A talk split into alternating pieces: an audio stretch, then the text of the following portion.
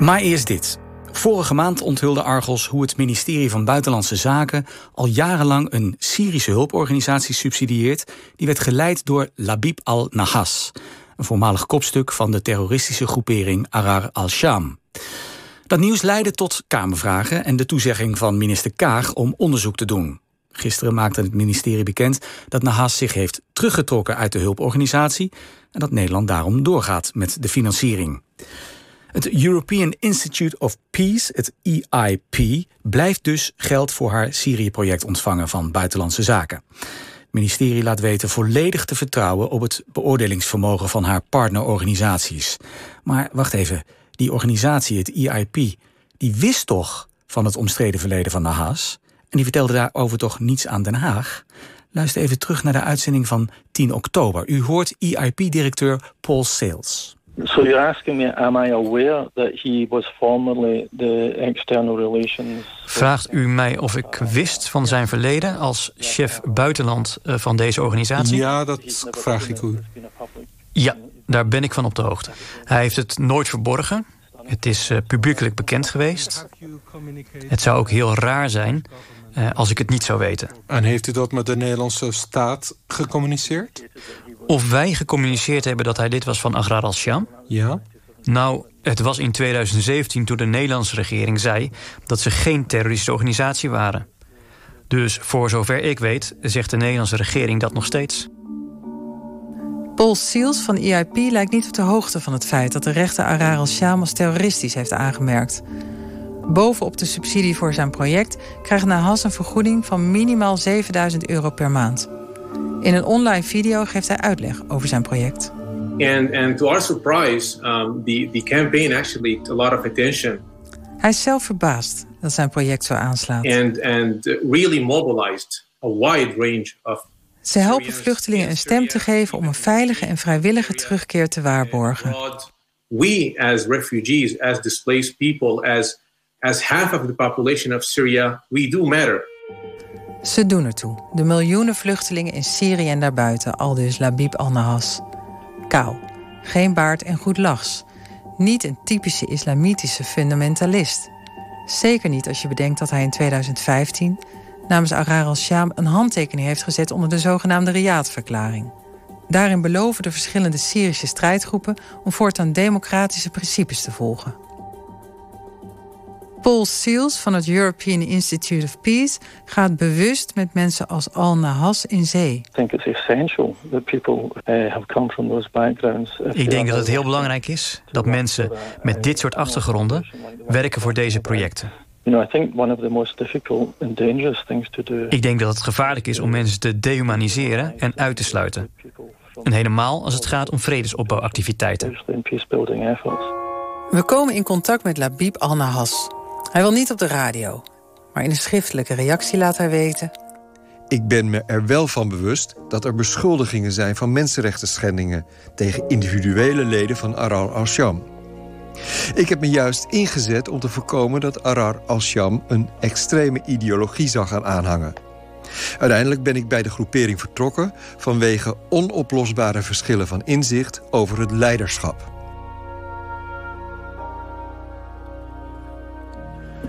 Ja, Labib al-Nahas heeft dus naar eigen zeggen zich ingezet om te voorkomen dat die terreurgroep Arar al-Sham een extreme ideologie zou gaan aanhangen. Maar ja, klopt dit antwoord wel? We hebben een tweet van hem gevonden die toch iets anders laat zien. En het roept de vraag op hoe grondig de partners van Buitenlandse Zaken hun mensen screenen.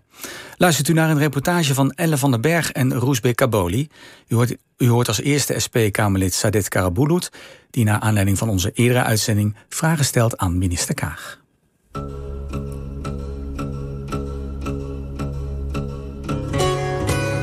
Maar vast, het is natuurlijk de wereld op zijn kop. Als wij jaar in jaar uit hier hele heftige debatten hebben. Als we als Tweede Kamer telkens weer op het verkeerde been worden gezet. Als we een hele duidelijke uitspraak hebben van deze Tweede Kamer... dat wij geen jihadisten en terroristen wensen te helpen... ook niet als het de vijand is van onze vijand. Dat dit type buitenlandpolitiek failliet is dat dan er geen lichtjes gaan branden bij het ministerie van Buitenlandse Zaken en men zich verschuilt achter een derde partij.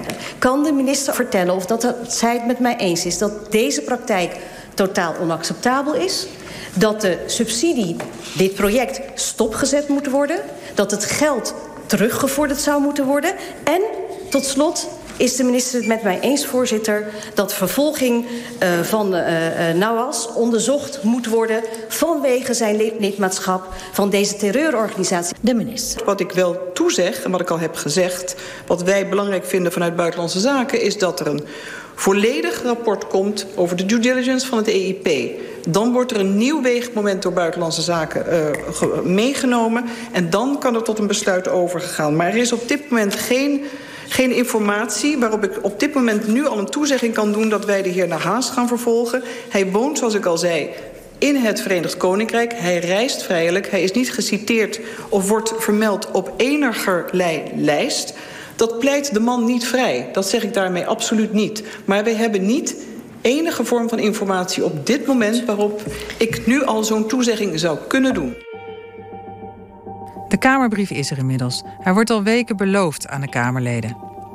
In de brief staat dat Anne Has zich heeft teruggetrokken uit het project, maar dat de subsidie aan EIP gewoon doorgaat.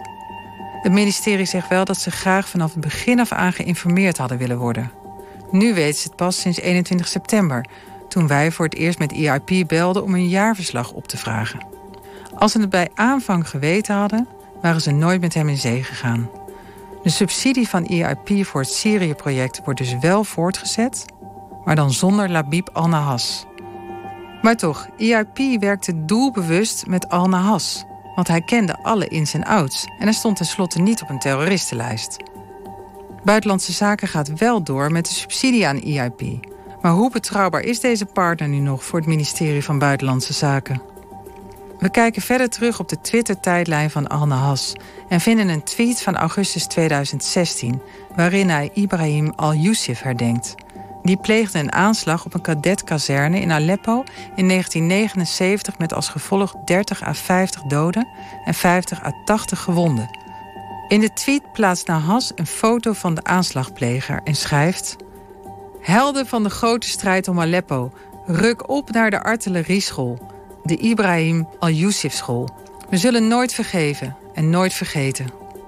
Nahas retweet ook de weduwe van de aanslagpleger en voegt als tekst toe: Rust in vrede. We zullen niet vergeten om u te wreken. We vragen Arabist Maurits Berger om de tweet te duiden. Ja, in, in, in juni 79 was um, een groep gewapende mannen, is nog steeds niet helemaal duidelijk wie dat nou allemaal precies waren, maar dat is een groep gewapende mannen onder leiding van kapitein Ibrahim al-Youssef, die ook in die tweet wordt genoemd. Die Ibrahim al-Youssef was uh, militair die daaraan verbonden was aan die kazerne. Die zijn naar binnen, binnengedrongen en hebben een dertigtal officieren in opleiding, kadetten, neergeschoten. En een nog groter aantal gewond. En die moordpartij was niet willekeurig. Ze hebben niet zomaar wat rondgeschoten. Ze hebben echt de Alawieten eruit gehaald en die neergeschoten. En waarom deed deze man dat? De Alawieten zijn een groepering van binnen Shiiten die vooral in Syrië wonen. En Assad, dat was Hafez al-Assad, de vader van eh, Bashar al-Assad van vandaag... die uh, is president. En er was een, een, een groeiende oppositie tegen Hafez al-Assad. En wat deze aanslag dus betekende was dat het niet alleen een vorm van gewapend verzet was tegen Assad... maar dat het ook echt um, zijn religieuze achtergrond tot doelwit maakte. En vanaf dat moment voelde ja, niet alleen Assad... maar eigenlijk alle Alawieten zich bedreigd. Want die konden dus allemaal tot doelwit gemaakt worden... omdat ze op, de een of andere manier werden samengevoegd uh, met het regime. Het is alsof je bij ons bij een burgemeester zou zeggen... we zijn tegen de burgemeester, maar de burgemeester is Joods... of hij is moslim of katholiek... en daarom zijn we tegen alle moslims, joden of katholieken. Dat is wat er gebeurde. Waarom hebben de oppositiegroepen daar zo'n hekel aan, aan de Alawieten? Waarom zijn ze daar vaak, richten ze zich daar vaak op bij aanslagen? De, de hekel die men heeft aan, aan, aan de Alawieten is, kan je op, twee manieren zien. De ene is, men heeft een hekel aan het regime. De leiders van het regime zijn Alawieten. Dus zijn we, eh, pak je dat eruit. We zijn tegen de Alawieten, want we zijn tegen het regime. Maar er is ook een langere traditie in de Soenitische islam in Syrië... dat men een probleem heeft met Alawieten. En de Alawieten hebben ook als scheldnaam kleine christenen. Ze gedragen zich als christenen... en dan heeft men geen probleem met christenen als zodanig... maar het feit dat Alawieten zeggen wij zijn moslim, maar ze gedragen zich dan als christenen, al dus de Soenitische moslims. Dat is een doorn in het oog. Wat zegt zo'n tweet van 2 augustus 2016 over Al-Nahas?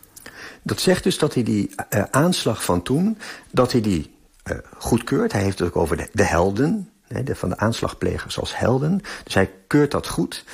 En uh, daarmee uh, keurt, hij dus, keurt hij dus niet alleen gewapend verzet tegen het regime van Assad goed maar ook de sectarische toon die het daarmee heeft gekregen. Want dat is wat die aanslag deed. Dat het een sectarische toon stelde. We zijn niet zomaar tegen Assad in het algemeen. Nee, we zijn ook tegen de Alawieten. En er worden dus veel ons, onschuldige uh, burgers, Alawieten, uh, slachtoffer van. Ik heb ook geen bewijs of hij wel of niet aan dat soort aanslagen heeft deelgenomen.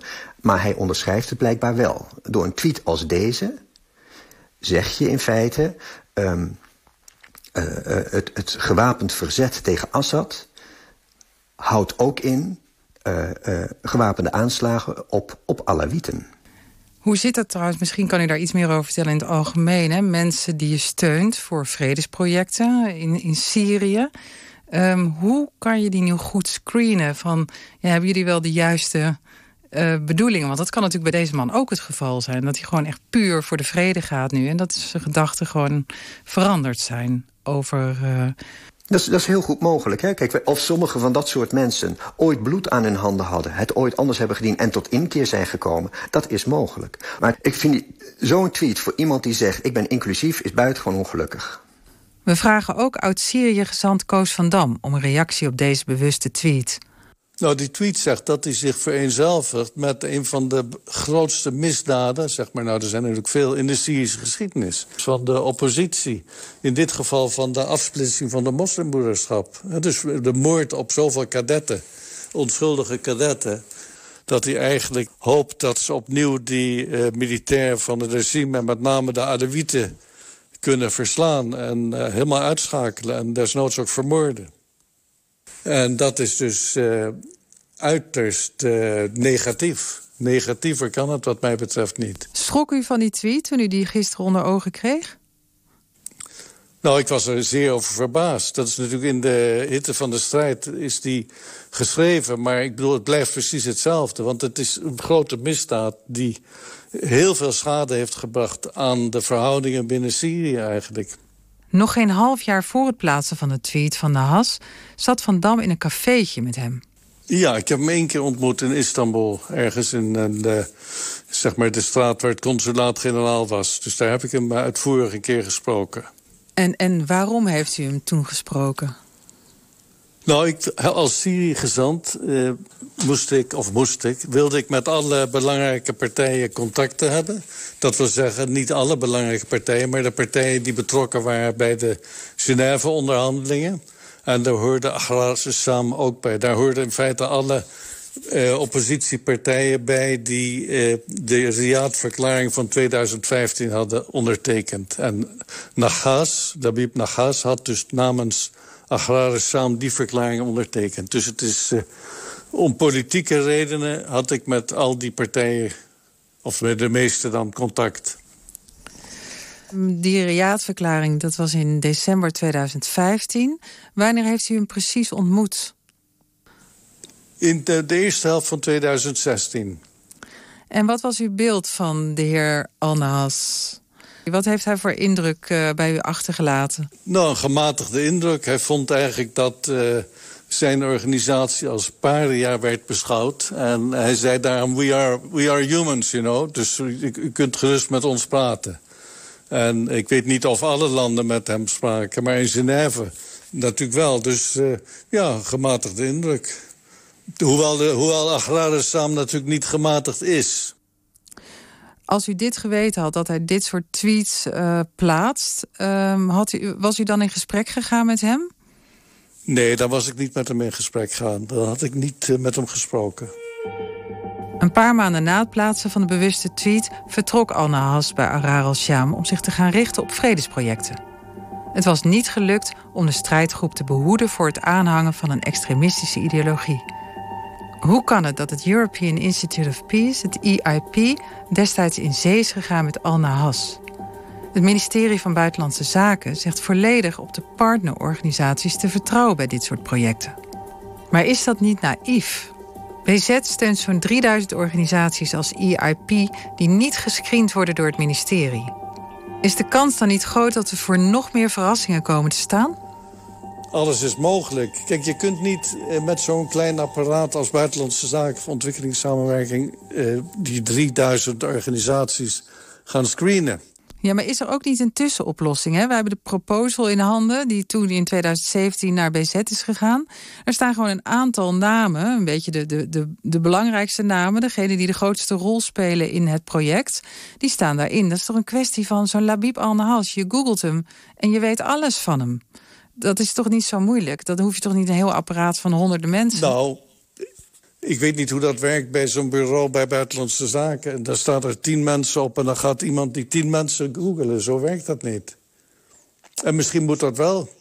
Wat vindt oud-Syrië-gezant Koos van Dam van de uitkomst van het onderzoek naar EIP? Anne Has heeft zich teruggetrokken uit het project, maar de subsidie gaat door. Ik zou toch wel willen zien dat eerst dan een uh, screening plaatsvindt. Want, want straks zitten er precies dat soort mensen bij. Nahas is natuurlijk een publiek figuur, heel, heel bekend. Althans, hij was mij erg bekend. En vele anderen ook, maar goed, de, de niet-kenner niet. Ik denk dat de angel eruit is getrokken als hij weg is. En ik zou dus zeggen, laten we nu verder kijken wie nog meer daar werkt. Als er precies zulke soort mensen, net zulke soort mensen tussen zitten... Uh, dan krijg je over, en, en je hebt daar niks aan gedaan... dan heb je over een tijdje precies hetzelfde. Dus ik zou dat eerst willen onderzoeken en dan pas verder gaan met de subsidie? Ja, eigenlijk wel. Want, maar ja, kijk, ik zou dan pas... Uh, ik zou dat even stopzetten en even kijken hoe dat precies in elkaar zit. Want dan loop je er nog een keer in met open ogen. Even opscharten tot je daar goed naar gekeken hebt... wat voor mensen daar zitten. En, en dan nog een andere vraag. Hè?